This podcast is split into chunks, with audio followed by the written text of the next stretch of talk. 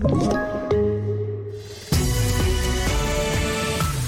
TV4-nyheterna börjar med att det finns just nu inget behov av att ge fullvaccinerade personer i allmänhet en tredje dos av vaccin mot covid-19. Och det enligt en ny rapport från den europeiska läkemedelsmyndigheten EMA och den europeiska smittskyddsmyndigheten ECDC. Fokus bör istället ligga på att vaccinera alla de som ännu inte har fått två doser enligt rapporten. Men att ge personer med nedsatt immunförsvar en tredje dos är något både Folkhälsomyndigheten här i Sverige och EMA är överens om.